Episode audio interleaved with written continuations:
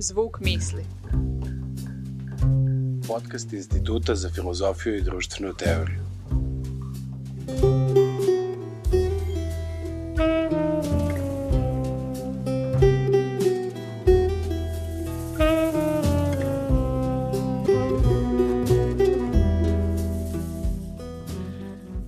Dobrodošli u još jednu epizodu Zvuka misli. Nećemo mnogo dužiti sa pozdravljanjem i formalnom najavom. Naša veoma posebna gošća iz Njujorka je već na vezi, poziv je uspostavljen, te će i razgovor koji sledi biti na engleskom. So, should I start by echoing the words of our today's dear guest? In an uncanny way, maybe. Let's give it a try. Testing, testing. One, two, three. Testing if the call is established. Hello, Avital Ronell. Welcome. Bienvenue. Willkommen. Dobrodošla to the Sound of Thoughts. Thank you for being with us today. You know, I am so touched to hear you speak in your language that it mutes me. But it, thank you for, for this opportunity and let me embrace everyone as our year mercifully comes to an end. so there is no real need to introduce you, Avital Ronell, but there is a decisive need to greet, to cheer, if you like, and to emphasize the immense importance and richness of your work. This is what our conversation today will be all about. We have no strict plan, no pre, pre-given program. We will rather have a jam session today. And with such a player as Avital Ronell, a real multi-instrumentalist when it comes to philosophy and theory, we will get to hear how thoughts and thinking can offer an unexpected and undecidable grasp of the world via its micrological phenomena and ghostly presences. With Avital, we will be attuned to specks and specters of the world rather than to its, spect to its spectacles. So let's start. Let's start by somehow embracing a paradoxical position in respect to what we have said right now. Let's start from something unavoidably large or beyond size by something universal, namely by the pandemic we're all living in. Avital Ronell, um, you were the first thinker to address AIDS theoretically when this acronym wasn't even recognized. Uh, in this respect, what are your reflections uh, on the already long lasting COVID pandemic? Let me first say how happy I am to be in conversation with you, part of our Entretien Infini.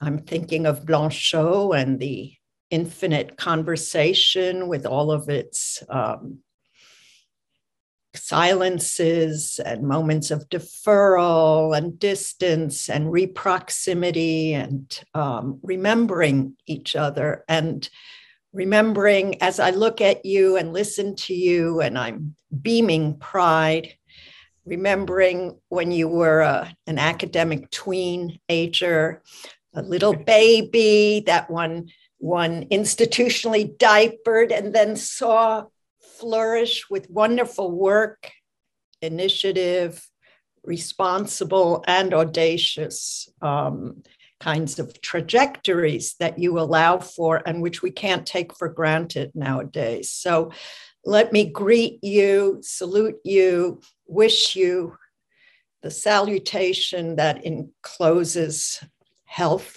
le salut, and um, maybe whatever remnant with irony of salvation that the salutation tries to, in its overreach, uh, tries to kind of grab onto.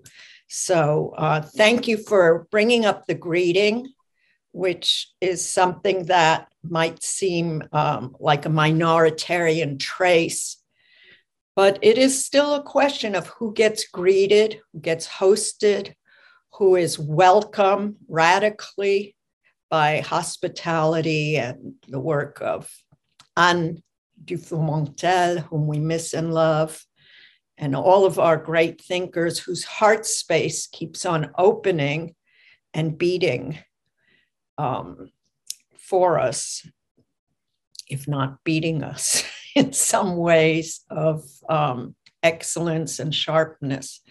So the greeting is something that is sometimes refused to minorities and people who are oppressed or canceled nowadays or wiped out, effaced without Aufhebung or sublation or Hegelian rescue uh, levers. Um, who gets greeted? What kind of um, task is it to accept to be greeted or to greet? Uh, even the pariahs, especially the pariahs and those who have been silenced in, in so many severe ways. So I, I accept your greeting with quiet celebration and, and gratitude, at remembering that for Hölderlin, the great poet, the task of the poet and poetic utterance is to und grüße, go out and greet, greet the other, greet alterity, it can be within or without, beyond you, beneath you, inconceivably displaced, but uh, what does it mean to offer a greeting and who is capable of receiving it? So that's the beginning of, of a thank you to you, a thank you note out of note or distress to find myself um, picked up and lifted by your greeting in a time of um, different types of confinement, lockdown, and pandemonic seizure. Um, you asked me to say something about the pandemic, and, and you linked it to my um, work on AIDS. When I wrote on AIDS, I was, as you said, the first um, to do so theoretically. And I'm, I'm worried about saying I was the first of anything because ever mm. since Derrida slammed Agamben for wanting to be the first or claiming to be the first or wanting to be ahead of the line at all costs, one wants to reflect of what it means to claim to be first. And is that a repression or a distortion? But what it meant for me to, um, in, in the earlier parts of my so called career, is that I, I um, tended to want to rescue or latch on to objects of dubious um, legitimacy. So that when I wrote about AIDS, it was unpronounceable the acronym was banned from the White House by that clown who was president, um, Ronald Reagan at the time. So there was also the effect of cont- contagion just by launching the word AIDS, or it's not a word, it's a it's an acronym, you know, it's an abbreviation. Mm-hmm. Um, so when I decided to move forward and write about AIDS, I was um, not greeted warmly by anyone, um, including those in the gay communities that I also served, because at that time I taught at Berkeley, lived in San Francisco, took care of my friends and non friends, people I didn't particularly know except in their decline and in their agony. Um, so I was um, hurt. And it wasn't the first nor the last time that I would be um, um taken to the mat or beaten hard, um, and not necessarily by generous hearts, because it was considered rather scandalous to write about AIDS. What is that? What kind of an elusive object or object of contemplation is a disease? Even though we have literatures that um, have brilliant handlers such as Camus, Defoe, uh, and so many others who, who go right into those zoned off spaces and sealed often sealed off spaces of literary um, uh, consort with contagion mm. and disease and illness and even the mystery and quasi epiphany, though not religiosity in Wordsworth, of a sudden cure. How does poetry show up as a kind of um, medication that can cure um, by a word, by a quasi magical, but not miraculous, just magic is what Wordsworth jams on, which is important to, to set to the side or sideline the Christian healing, um, let's say, um, language of, of lifting up the sick. I, um, I was um, attacked by a lot of people who then subsequently actually, without proffering apologies, that wouldn't be in the uh, vocabulary of academics or many intellectuals, who, who turned around, made a U turn, and started themselves formidable careers that embraced and and analyzed and scandalized and worked with AIDS.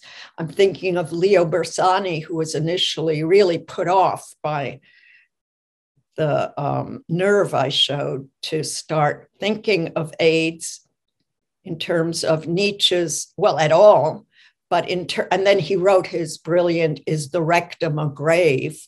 So he switched gears and decided to go in there himself and everything that that requires um, in terms of theoretical or quasi sociological insight and delivery systems of, of solidarity in thought and as thought. And what is the inappropriate or inappropriable that any thinker must expose herself to. So for me, I tried to balance the tonalities again, as Hölderlin would say, or did say, um, the Wechsel der Töne. So um, tonal modulations and my being trained, animal trained by Nietzsche, my irony is unavoidable and it's not meant to be demeaning. On the contrary, it shows the lashes and lacerations, to speak with Bataille, of trying to report for duty even if one stands alone and is um, mocked and shunned for writing about Mozart, who died mysteriously too early, and whose last opera featured Tamino, that I read as contamino, contamination, and how the age of enlightenment thematized in Mozart's opera brought down the queen of the night. So, as you know, no doubt that a queen is um, a fabulous yeah. appellation for a gay man, very often used with um, honoring um, seriousness. But I, I wanted to um, track the aporias or mysteries of, of Mozart's last opera before he disappeared in his immunofragility and point to the fact that he um, dealt with the flute, the magic flute, La Flûte Enchantée, die Zauberflöte, that I also heard as sauber, which means clean and cleanly. In other words, what made Mozart rally around a kind of phallic object that he detested or was kind of phobic about? He didn't like the flute. And yet, so it had to be made magical. It's or cleaned up. And it became an immunocompetent healing object. Whoever had the flute, so it's the transfer of a signifier that had healing properties, whoever has the flute in the magic flute is immunized. Um, but what happens is uh, in this opera is that um, the queen of the night is um, destroyed and gives her destruction gives rise to a very phallic, manly enlightenment order of reason, um, figured by Zoroastro, and to which Tamino and Tamina, so the contaminants and contaminated, defect. That seemed, um, wait, first of all, even to presume to write about AIDS seemed um, outlandish and problematic, but then to connect it with cultural tropologies and try to um, analyze philosophically and deconstructively some cultural, um, let's say, um, approaches to unthematizable viral attack. Um, so when you said a big thing, the pandemic, it's also a speck. It's also invisible. It's also, it's both and, right? It's something that's coming after you that you don't see that belongs to invisibilized realms of, of hostile um, anticipation waiting for you to host it you know so there's a lot of questions that we could raise about what what it is to host not only a podcast but a virus which may be related. Um, and um, how it is to be attacked by tiny micro nano specks as well as the um, absolutely outsized atrocities that have led multifactorially to the pandemic, which is in some ways a, um, a nihilistic disclosure. It's so shocking, it's so uh, destructive. In other ways, depending in which neighborhood you grew up and you're prowling and trying to live in, it's old, old news. Um, so the comorbidities, socially speaking, in terms of social justice, are not news to anyone but oblivious or bad faith. Um,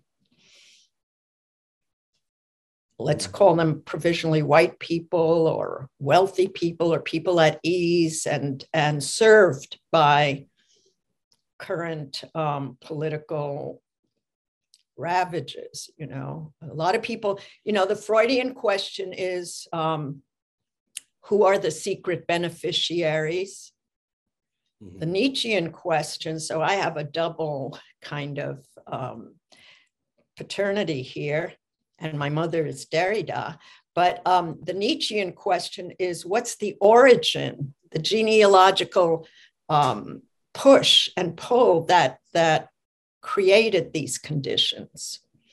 You know, um, we could also move into um, zones um, kind of marked off by Kant and ask for the conditions for the possibilities of, of something like a pandemic.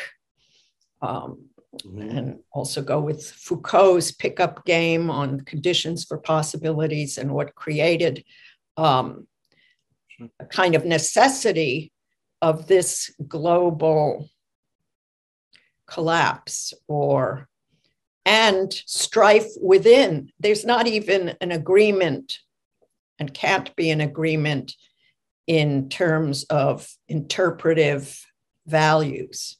Like there's real warfare over interpretation and metonymies of, of the whole um, incursion, including the mask, which has become an incredible instigator of hostilities. Yes, and maybe um, if we think about the resistance that you, that the theoretical work on AIDS uh, provoked back then. Oh. Sorry. And if we put it in contrast with the, with the flood of theories and theoretical standpoints that we have on, on the current pandemic, how can we, what, what, what is the symptom in your view of all that proliferation of discourses, be, be them um, theoretical ones, let's say scientific ones, or the commonsensical ones, the ones that come from doxa. We are flooded by, by many discourses on what is happening, and that wasn't the case with other pandemics because AIDS could be also considered a pandemic. Yeah. Also, there's the um, age old problem of, of, of a primitive habit that our self defeating and stupid species tends to indulge, which is whom does one blame for it? Hmm. That's something that there's two things that I think have not been included in the oversaturation of cognitive um, discourses that you point to and and the emergency supplies of meaning that a Nietzschean tries to scope and track, like what kind of meaning is ascribed to this, um, what happens when, in, in the sense of Jean Luc Nancy, uh, you can't say that there's a meaning that's ascribable to it, but what kind of sense do we um, give to what's going on? How do we make sense, almost performatively, of what's happening and what resists a substantializable meaning or a conclusive kind of um, conceptual framework. Uh, so clearly, that's an invitation to all sorts of speculative reception centers to open up and pop up thinkers of the most pop or seasoned academic or para academic worlds show up to um, to answer the call to to think about these things. So um, there are some things that I haven't seen um, necessarily um, thematized or analyzed that I, I would just point out to us. And one is um, I don't know if you'd agree and if it's the same for you, but um, in the first wave, something like an intergenerational hostility fired up because the kids were considered um, immunocompetent, mm-hmm. spared. They could get through this unscathed and they were little biohazards. Um, so there was also there's all sorts of clusters of of um, kind of um, reflections that that could be uh, rounded up around that. What it means in terms of a politics of care, who cares for whom, what happens when the little ones are restrained from a kind of um, ability to thrive in order to uh, sacrifice and be confined so that older people, another generation or several generations, can hope to survive. So I think, I mean, we know from our readings of Freud and Lacan and Zizek and others that, um, and Derrida, of course, was very attentive to the patricidal or um, habits or parasital path. So there are moments in history where children are recruited to be um, very uh, strong loudspeakers for a kind of innate, maybe um, hostility to their bully parents or other um, law bearers, language bearers. so, what I'm trying to say is, I don't know if you remember or if you've thought about it or care to think about it, how this particular plague differs. Well, I would say the same of AIDS in some ways, but what does it mean for a younger generation to be seen as recruitable for, for the, um, let's say, um, travel plans of immunocompetence? And um, what kind of uh, new types of hostility or articulations or disarticulations can we um, just look at closely um, in terms of intergenerational rage, a lot of which has been um, repressed successfully so far, but it's going to come out somewhere. And what kind of subterranean life forms does it does it um, indicate? Do you know what I'm talking about? Yes, or, that, yeah. that, that actually makes makes me think of, of that hostility in, in terms of debt and credit. Are we, Avital Ronell, born indebted?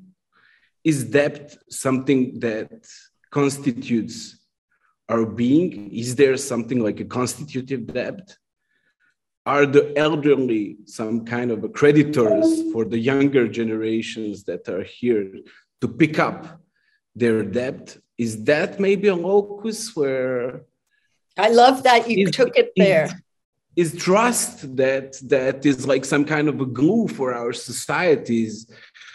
Uh, maybe maybe produces some kind of conditions, maybe those Kantian, Kantian conditions of possibilities that you were mentioning um, for for that hostility. Actually, would there be maybe no hostility if our being together and being separated together wasn't regulated by by the mechanisms of trust belief debt credit as you wish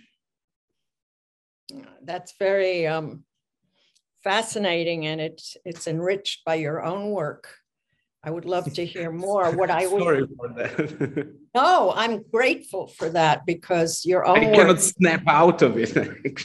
don't. We need it as, more than ever. So there is the um, question of inheritance, legacy, uh, who owes whom what.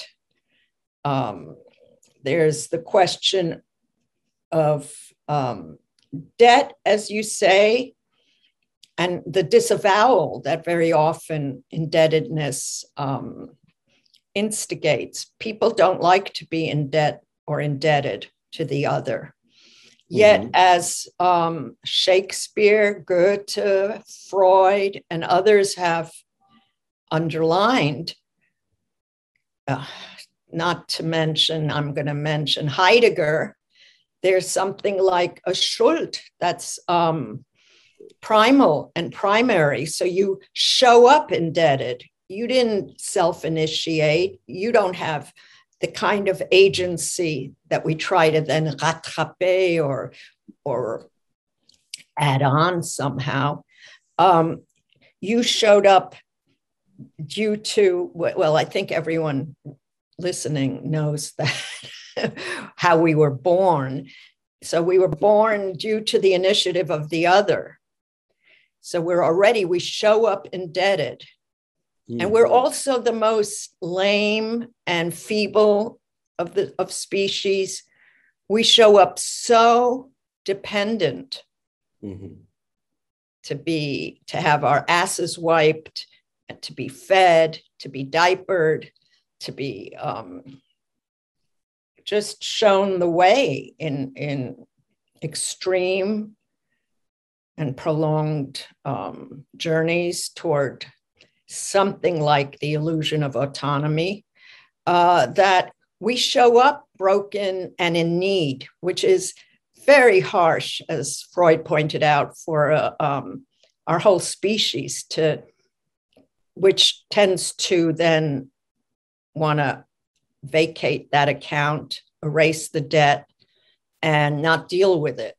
So, dependency, which also Lyotard worked on so poignantly, he says dependency is too weak a word to describe the mainmise, which is to say the throttle that has you and keeps you down and oppressed. You can't, it's almost like one of those tw- Twilight Zone episodes where at the end you see a big child playing with a dollhouse and, and miniature adults, you know, mm. that means that we are so um, um, lorded over by, by powers and structures that we can't even claim or name that dependency is too weak a term, that we don't even have a concept for it. So mm. I think indebtedness, which if we swung over to the work of Levinas, would mm-hmm. also um,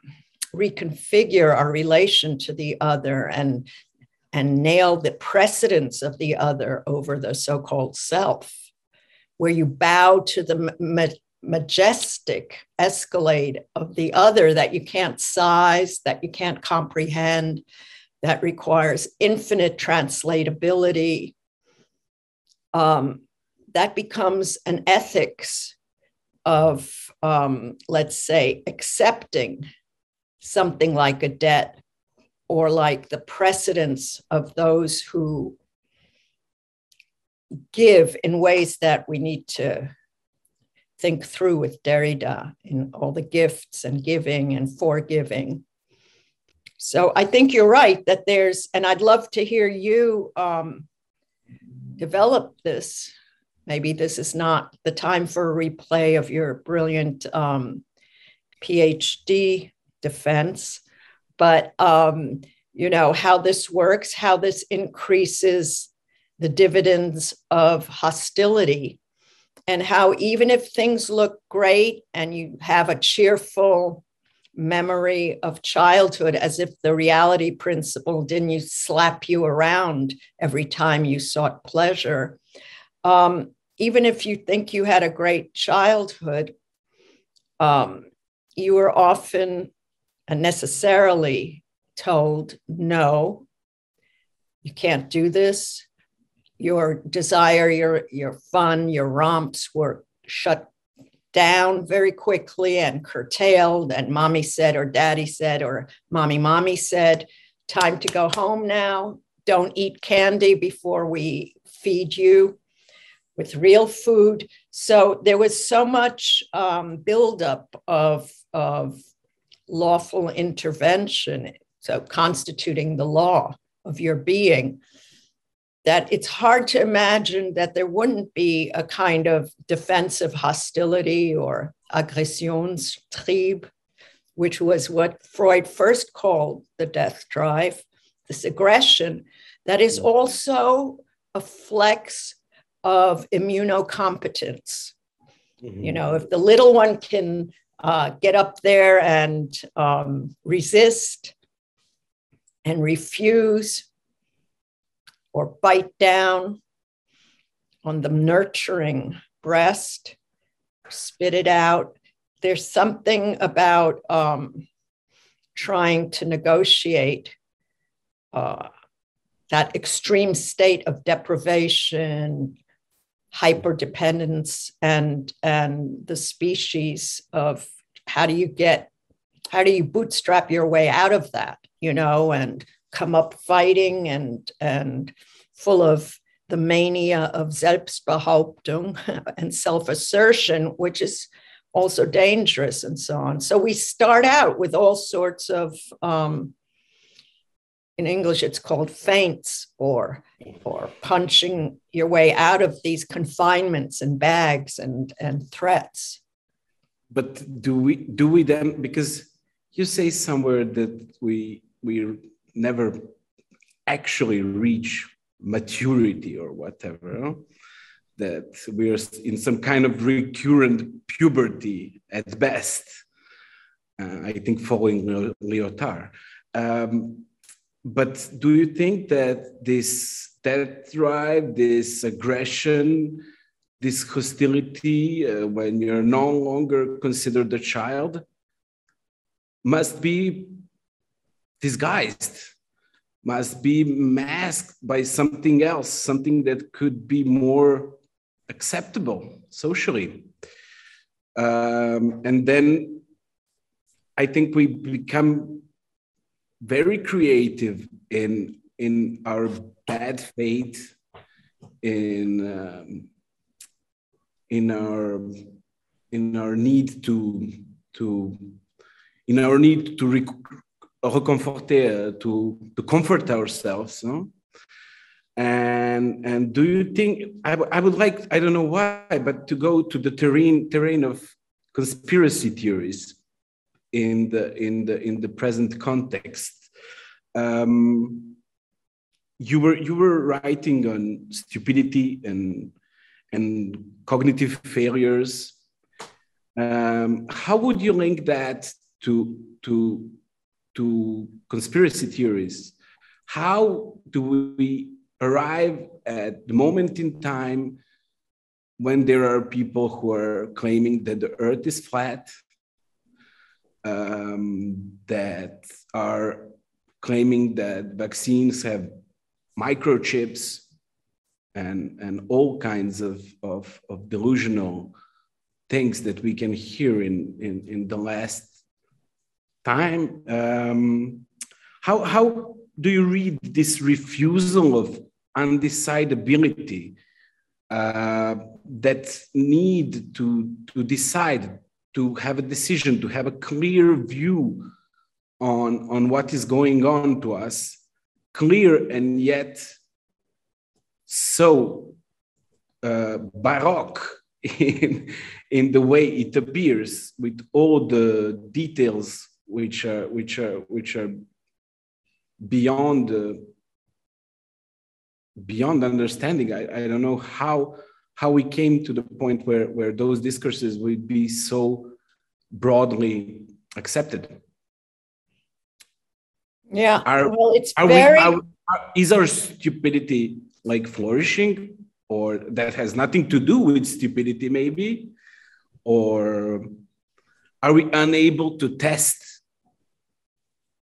and we are testing a lot, we're maybe on a test. Maybe the whole humanity is on a test. But yeah, let, let, let me hear your thoughts and then we will. That's beautiful and wide ranging. You know, it's very hard to hold together the tensional qualities of existence.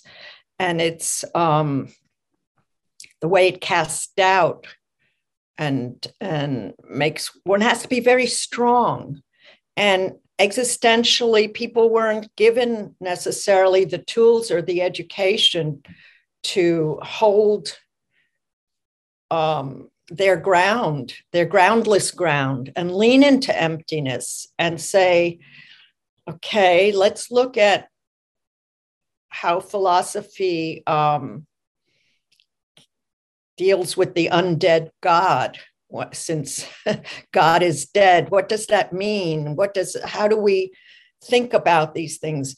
Um, people haven't been given the um, armor and um, yes, and almost um, warrior training to know when to relax and be strong in a non-dialectical way. Um, and how to surrender to unread new unreadabilities, old unreadabilities, old quarrels. You know, when the vaccine, I mean, Jean Luc said, let us not divinize the vaccine. He said that when in the first, when we wanted a vaccine.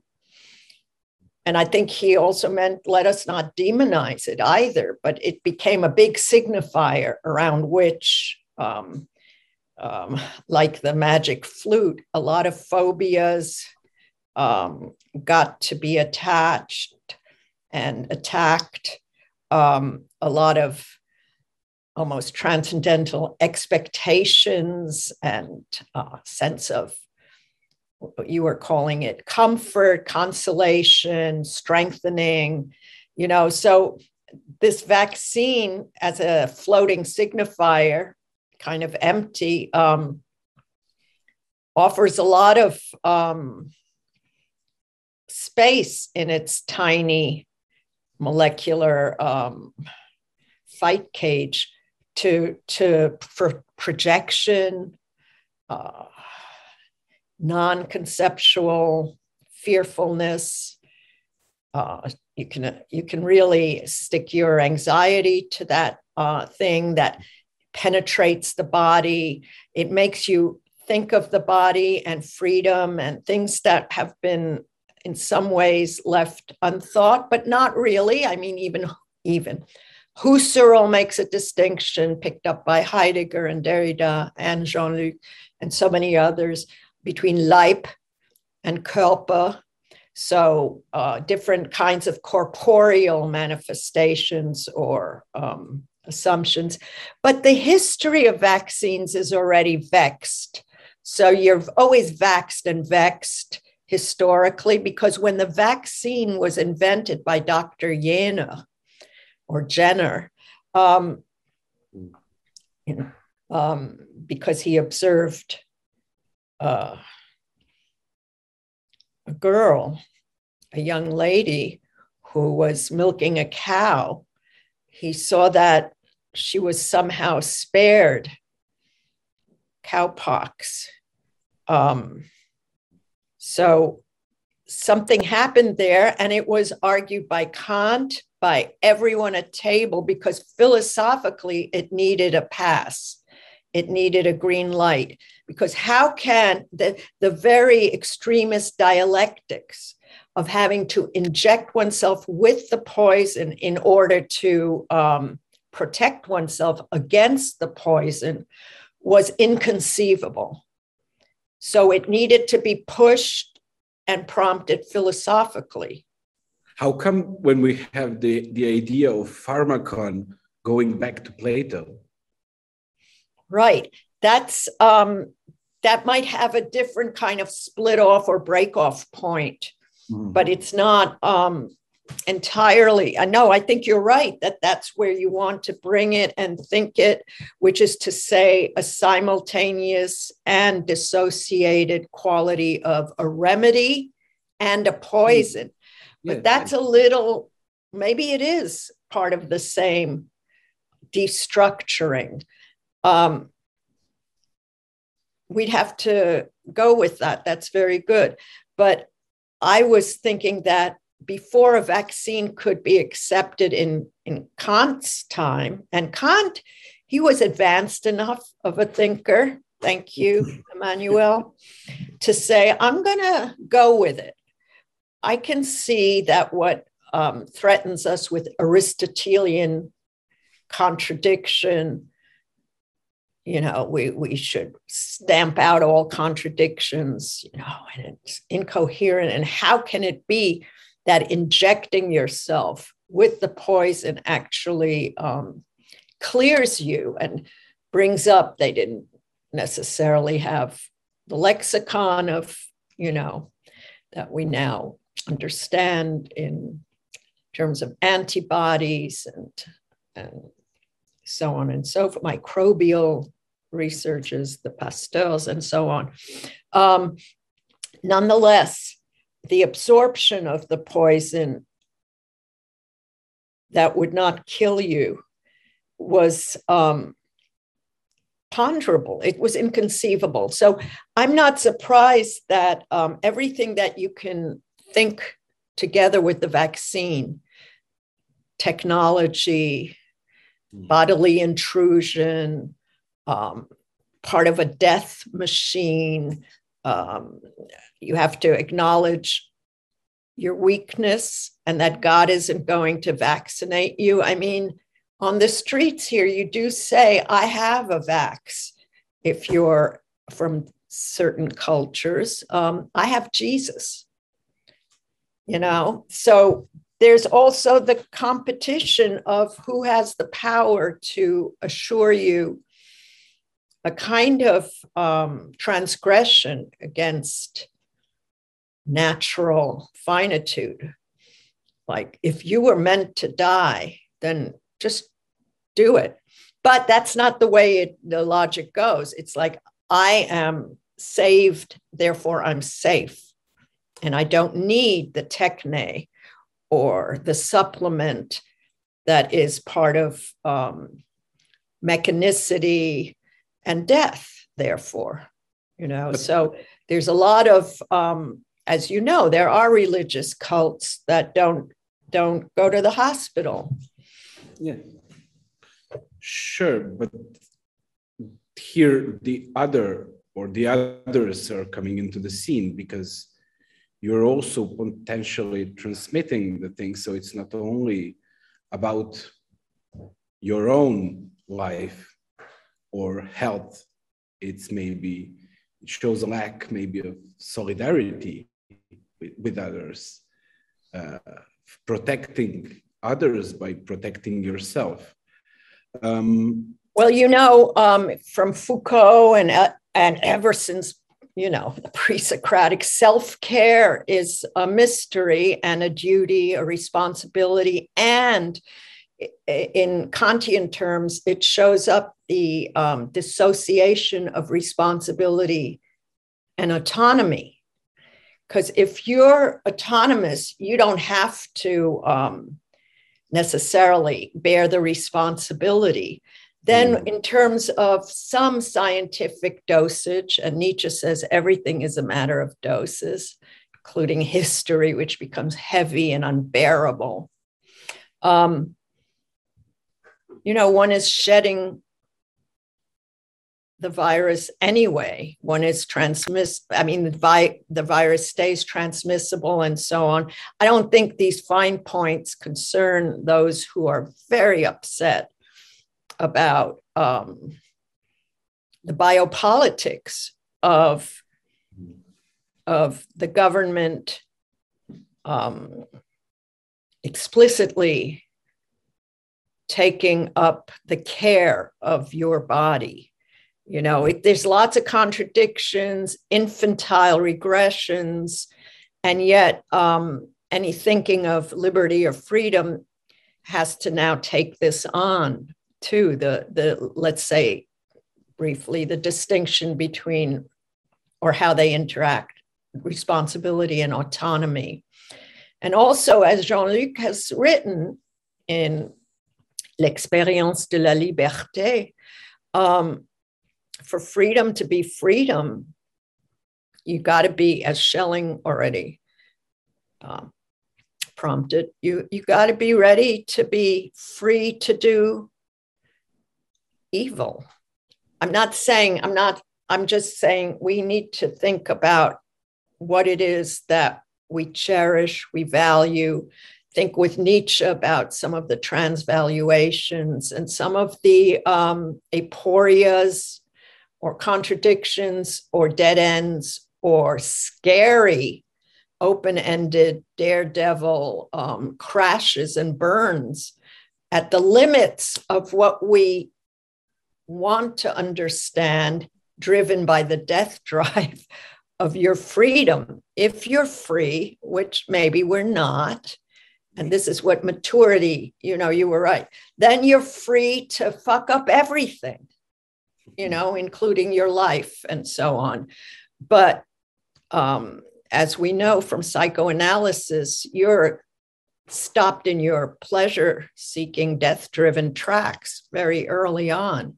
So when um, Lyotard and Malraux say um, there is no um, adult, really, you're not mature.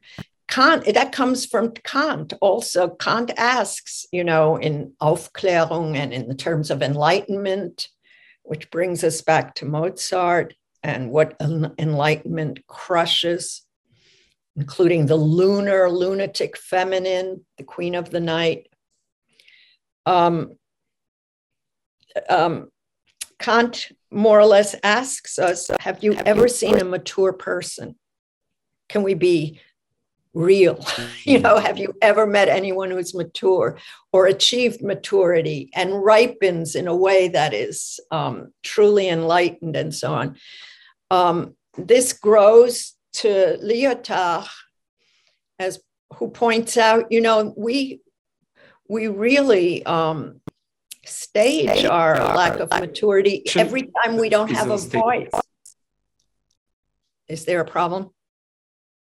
There, there was a little break like the last few sentences, but we don't care. We just continue. We will, we will set that with. Do we want to start with a new link or something?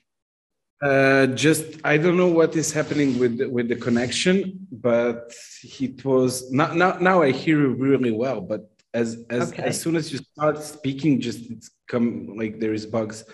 Um, maybe maybe we can just just move on from from Lyotard and the, and the like last phrase that just just if you if you can sorry just pick sure. it up and happily. Now now so, now it can i think it's okay now. I, will we'll um, see. Um, so every time you fail to represent what's wrong with you or you lose your voice or you say i don't know what i'm feeling or i don't know what's wrong or you cry or there's other kinds of syntaxes of being unable to say or mm-hmm. register mm-hmm. where you're at that's according to Lyotard, uh, fall back into childhood, which never left you. There are so many times when you lose your voice, your comprehension, you can't believe what just happened to you. You can't believe the harm, the insult, all of that. That's very childish. And yet, something that, according to Lyotard, reading Malraux, we never um, shook off. Like we constantly fall into the little spaces of not knowing, not understanding, uh, feeling harmed and hurt, and wanting to cry for mommy, whatever that uh, is. It may not be anything that you've ever experienced. Mm-hmm. But do we want to to to shock off that feeling? Actually, do we want to to to be to find ourselves in the position where we can always decide, where everything is clear, to what that could lead us, that that could lead us to some terrible things, I suppose. It has we, led us. It, would be, it has us, actually. Yes, that's. But there must be, you know, yes. this is one of the most outrageous poetic utterances made by and controversial and problematic to no end was made by Sylvia Plath, who says every woman loves a fascist. Um, and that's something totally rejectable, detestable, doesn't pass any social justice test. At the same time, it seems to me that if if we have the history and the breakage in history and shattering of world and impossibility of anything resembling human dignity on our backs, we need to account for um, the uh, sadistic impulse, cruelty, stupidity, and how one is drawn to those states of also um, um, indulgent, luxurious um, idiocy. So, if these things are happening, again, with Freud, we ask who are the secret beneficiaries, but with Nietzsche, we ask what, what gives rise to this pulsion, mm-hmm. this impulse, this desire, this stupid um, GPS that seems to be guiding us of mm-hmm. immaturity and hate and uh, sheer stupidity. And so something must be uh, programmed that we need to go in there and take a good look at. And I'm not saying it's reducible to a program, but the constant denials and the good faith, good conscience, good feel good um, alibis that one accrues need to be kicked to the curb. Like, what the hell is wrong with us? Um, even the best of us, they we might, you know, get into inconsequential and minuscule um, rubbles and trouble and um, act out on our own bullshit. You know, that that's something that um, we can look at also with curiosity and compassion. But mm. it seems to be the question is is it a bug as we just experienced, or is it an essential feature, which I think Freud and, and post Freud teaches us, which is that we're, we're thrilled and thralled by our capacity to destroy and fuck things up. It's an mm-hmm. upper. It's it's part of a manic high before one crashes against walls of unintelligibility and and ridiculous um, ignorance that one proudly parades. So um, I, I think that um, there have been a lot of barriers and stalls put in place by too much good conscience mm. and too much, hey, I'm a good guy.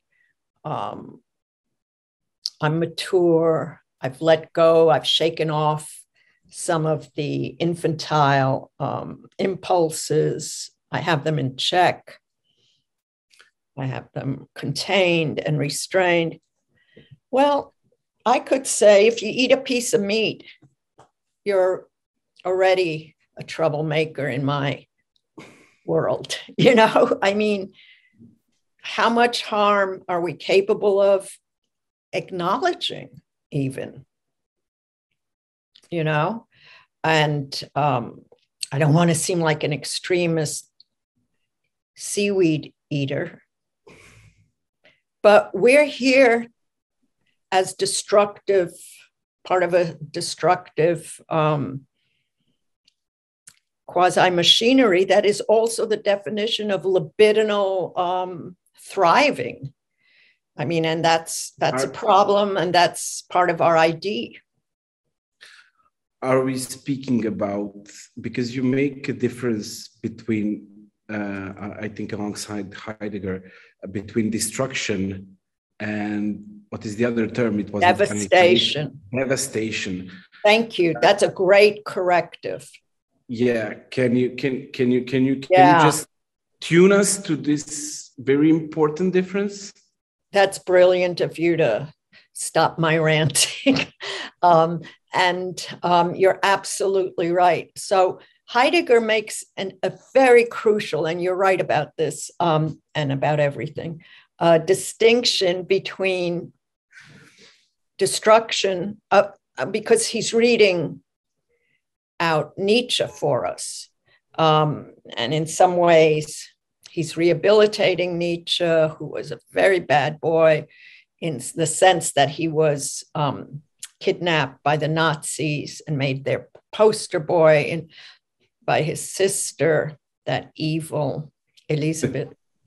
Um, so the distinction that Heidegger draws from Nietzsche is that destruction is you destroy what is destructive, what's in your way, what's what's um, congesting your path and and just destructive mm. and so it's a pledge for futurity and the future and clearing things out and existential clutter that has to be handled. Devastation is just nihilistic um, bombardment of anything that we could cherish. There is no pledge made to the future, to mm. resumption of anything, to rebuilding building, to, to building differently. It's just totally crash and burn. So he does want us to understand different types and maybe doses of annihilation. Some that mm-hmm. have to be served with um, lucidity and with your night goggles on, where you see all this stuff and crap piling up. And so you need to destroy it. You need to have the will not to passively let these things um, reduce you to rubble. Okay, some of this is a little adolescent and maybe immature, but nonetheless, it's part of our philosophical heritage, our inheritance, and the debt we have to thinking and the way things have been acted out in the name of one of the Nietzsches. There are many Nietzsches and many programs, and they're contradictory. There's also Nietzsche, the transgendered, who, who identifies with Eve, and women who are feisty and beyond good and evil and very destructive, like, get out of my way. I need to know. I'm going to break this law because I don't go with it. So Nietzsche felt that Eve, whom he incorporated and was the woman in Nietzsche, Mm. Eve was the first scientist in the sense of the gay science, the fröhliche Wissenschaft. So the frolicking science, the science that promises galaxies of joy and affirmation of life, rather than the cold, scary, clinical, sterile sciences that we're kind of um, prey to and prone to. So um, Nietzsche handed over these thoughts of different types of destruction that can escalate, as Heidegger pointed out, to the point of no return, which he felt was weak, pessimistic, and, excuse me, Christian. you know, like, um, come on, what's this image of a tortured God to whom the great Roman warriors fell on their knees for in, in service of. So those are Nietzschean questions that we've inherited. They might be hot potatoes, they might be things you don't want to look at. But since we're such a destructive, devastatingly cruel and sadistic species, revealed in one way by the pandemic, which mm. is man made. I mean, it's not like AIDS, it doesn't come from elsewhere or above, or God isn't punishing us, but mm-hmm. we've messed up and we've failed in our custodianship of the earth and of beings and being. And in, in, in, in that vein, maybe there are disquieting claims that obviously other natural or man-made catastrophes are awaiting us. So and that the current situation with the pandemic could be understood as a test. So once again many are preparing us for some other catastrophes to come be it global warming or some other things that will that will happen. And you you wrote a lot about tests testing, about our test drive. So, can we just say what is happening with it today? What's Thank you. You're so um, probing and lucid that it's blowing me away. Let's just say that there are different appropriations of tests so that um, when 9 11 happened, mm. the then idiot president was um, George Bush in the United States. And he said, This nation is being tested. Mm-hmm. Um, Biden said, This nation is being tested. Trump says, This nation is being tested. But in each um, utterance or iteration, there's a different understanding. Like in Bush's sense, it's a biblical test that we've passed always mm-hmm. already. You know, when you say, I have been tested or I'm being tested, it can mean God is testing me. I'm going through my Jobian deserts and um, and losses and archaic um, destitution.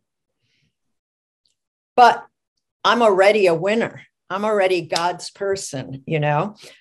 Another kind of test that is more Nietzschean and technologically inflected is uh, when you test to failure.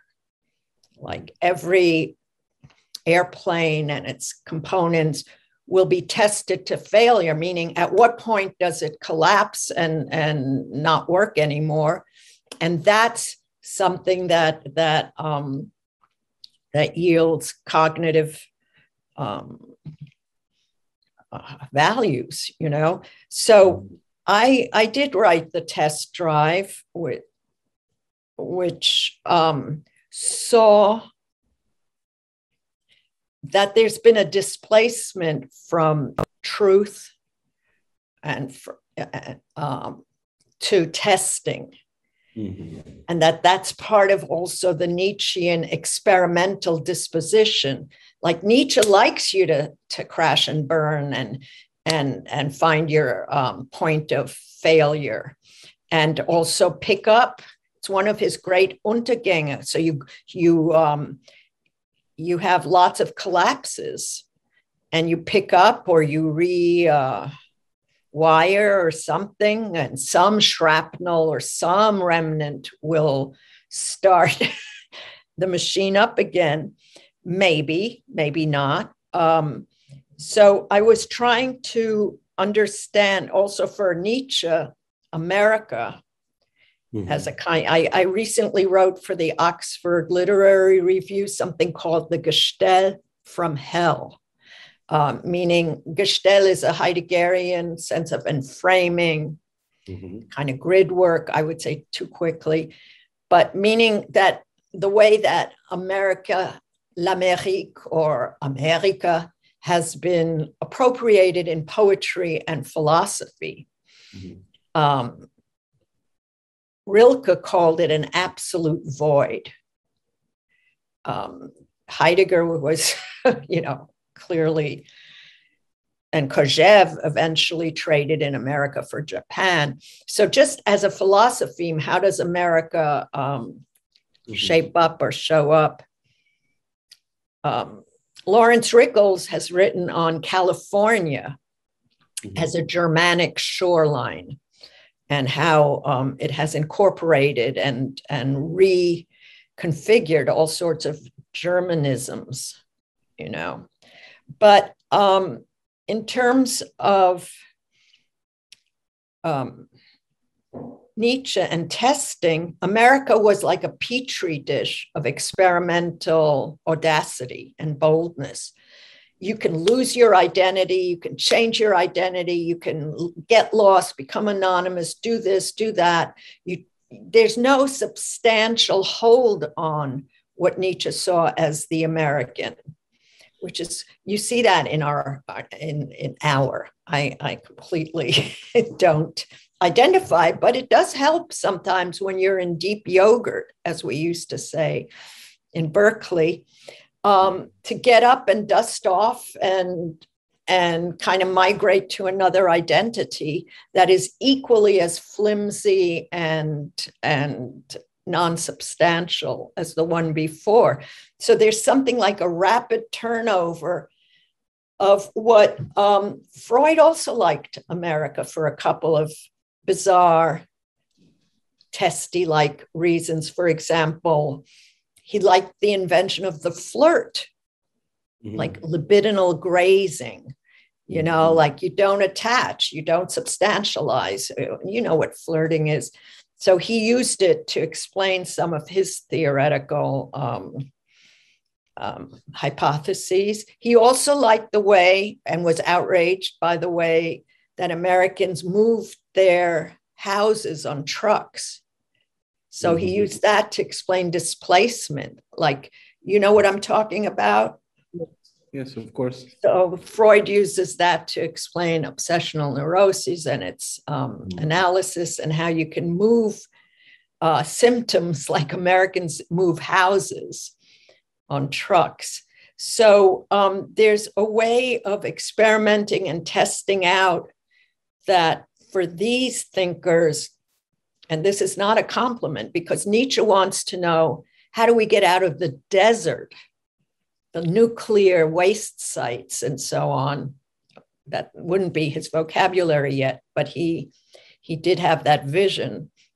Mm-hmm that um, American experimentalisms and, and test outs and testing grounds, proving grounds offer to the world. Mm-hmm. America as a kind of starting point of the pandemic in so many ways. Mm-hmm. When you were mentioning Nietzsche, just I want I was I was thinking about um, does testing demands forgetting if we're moving on which with each test and in your own podcast the survival kit for the anguished you are you are dedicating an episode to the nietzschean understanding of forgetting just forget about it. Is that the, the american way of doing things? Like like snap out of it forget it like move on. Is that a, a double uh, mm, you're very shrewd. You're on to something yes. Um, i forgot but um, let me just say that um, absolutely um, that you test and you dispose of um, it, it's something Nietzsche says in a good moment, and then we'll change his mind on the next page. But he says it's something you owe yourself, is to test yourself, test your mettle, as Shakespeare says.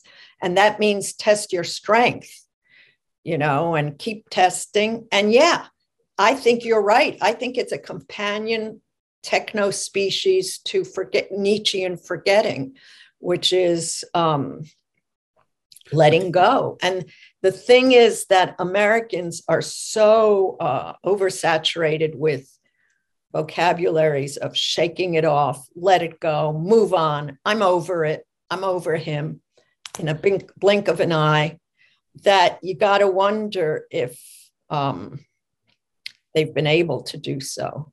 Seems a little yeah. exaggerated as a claim, but that is the wish yes doesn't doesn't it seem that still with with all that attitude and whatever we're still overwhelmed by by by history and there is something wrong with the forgetting because if we remember nietzsche nietzsche uh, compared forgetting with digestion something is kept you're, you're nourished but something has to pass and there is something forget it in an experimental way, but still this experience of test has nourished you to to to.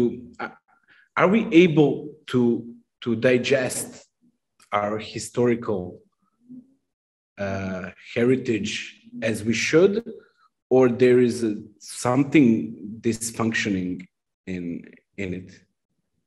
That's beautiful. You know, don't forget that Nietzsche was an expectorator, which is to say he's always throwing up and puking, which for Deleuze means that he's reversing dialectics. Sure. So he refuses assimilation. Upside down. Yeah. It's like, oh, I can't, you know, I'm going to get rid of it. Um, mm. So Nietzsche and philosophy and the pandemic and digestive tracts are very much um, correlated and need to be um, collated and thought about. Um, philosophy has almost always prescribed regimens and what would keep you healthy. And Nietzsche, of course, he he was the first to dance with his to put his body on the line to to read philosophically his migraines and his stomach problems but um, i think here i would go to um, philippe Lacoue-Labarthe's thinking of Celan, where philippe says in terms of um, renversement and upsetting. Stick with what is upsetting. Stay with the upset. And I would add, stay with the upset stomach, that things make you sick and it's disgusting and it's inassimilable. I kind of think that's right. That that's if there's an ethical uh, stance, it would be that you can't keep it down. It's so disgusting. Some of what is um, attacking the fragile, the unsheltered, the unhoused, you know, and the arrogance of um, so many supremacists mm. and the stupidity of mm. those who don't test their hypotheses. Now, it's very hard to live hypothetically. I mean, it mm. also could tip, there's a tipping point where it becomes obsessional neuroses. Like, I tend to um, here's an autobiography, since we talk Nietzsche, we talk about exposing oneself. Um, I try out many hypotheses and question them. In French, as you know better than anyone, question is also torture. So mm. I'm in the torture place of questioning, raising questions. And um,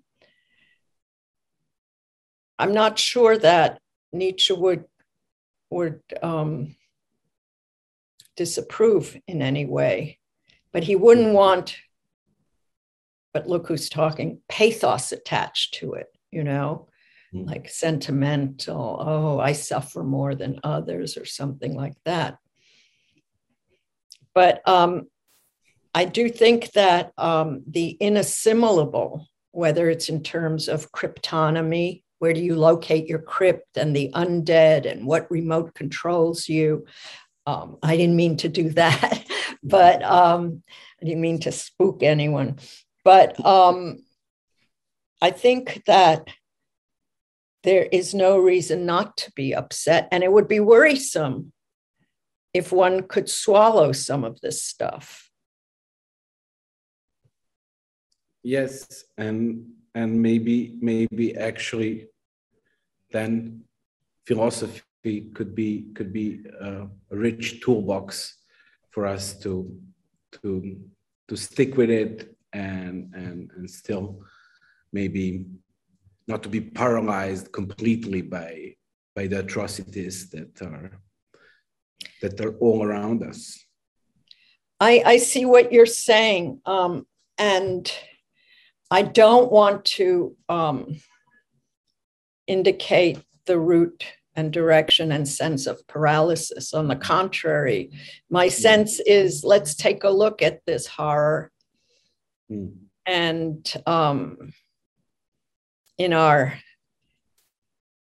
non sentimental despair, see how we can pull up from these ditches and um, at the same time, philosophy is such that its toolness or psych qualities dissipate. So, as Jean Luc again said, philosophy hasn't held its promise, kept its promise. Or at the same time, you never know where it's going to show up or how it's going to show up. So um, there, a sobering assessment can really offer the image of an athlete who has a moment of quiet and ingathering before taking off. And so it would be, I hope, the contrary to a paralyzing insight, you know. But unless you work with all of the um, strangleholds and oppressions, invisible and visible, unrepresentable or re- represented, traditional or yet to come, I don't think your leap will be um, seriously winged and uplifting. I think one has to have, and I don't mean this prescriptively, but it's as close as I might come, that Dionysian tragic sense of the shit that we have to deal with. And don't forget that Freud said life is too hard. So it is hard. And mm. Derrida said, if it weren't, if things weren't impossible, or what I'm looking at isn't impossible, I'm not interested because others can figure out the possible. We have to go into the impossible of existence, of relatedness, of social justice, such as it is or fails to be. So, as long as you dwell near the impossible, I think um, you're doing what's I think we were meant to do. We weren't ever meant to think it's possible it's maybe a perfect moment with this invitation, a call to embrace the impossible, to, to ponder on it, um, that we will stop. And I, I thank you immensely, Avital Ronell, for being part of the Sound of Thoughts podcast. Thank you. Andrea, you are a joy and the future, and I embrace all of you and um, those who make it possible for this podcast, the wonderful technician whom I met, Pavla, and um, all of the people who are um, surprisingly listening because I know we're tired. But fortunately, as Freud says, the ears don't close. Thank you so much. Thank you. So yeah, that that's where, where the cut will be. Thank you so much. That was so you give amazing. me joy and a sense no, of futurity. I, I, I, I, I was I was so that was so beautiful. I, I thank you so much. It was. And Whoa. because you did the work, you did a beautiful job and so delicate yet insightful and in, incisive. Thank, thank you so much because when when you told like let's try to to to not to have a program and to, to try to to jam on it, I, I was a bit scared. But but then I, I was thinking like God, I I know Avital for so many years now, with whom I could talk spontaneously, if not with you. So, Thank you for the experiment and the way you tested it out brilliantly. Thank you. And I will try. We will, we will see when the when when this will be wrapped. I will of course send you everything, and and then if it is possible, and I think it will be, we will have a transcription on it of it. If the transcription seems fine, we could maybe maybe publish it as a, as a kind of interview we have we have our journal here at the Institute of Philosophy and Social Theory, so we will, we will see, but we will stay um, in. Touch. I'm delighted. In I'm touch, delighted. even even technologically and spectrally like this. Even if I want to take you in my arms now and to give, you give you a I feel it. Yeah, it's it's there. Thank it's you. There. Thank so you lots so of love to your family, your friends. Thank you, thank you, and to all all your loved ones. And and and let's say that when this pandemic is uh, stabilized or whatever, we will see each other. And I'm packing I, my bags. I, I would love you. I would love so much to see you here in Belgrade. That I'm on my way. Good. And, and we Whenever will come over to New York also. But yeah, Good. we are here now okay. for, for, the moment this This is great. I'm so, so happy. Now I'm, I can I'm, let go. I'm crazy with joy. I, I will now me just... too. Now I can let go of the year happily. Yes, me too. Me too. Bye, my love. Thank you. Bye. Bye. Thank you so Thank much. You.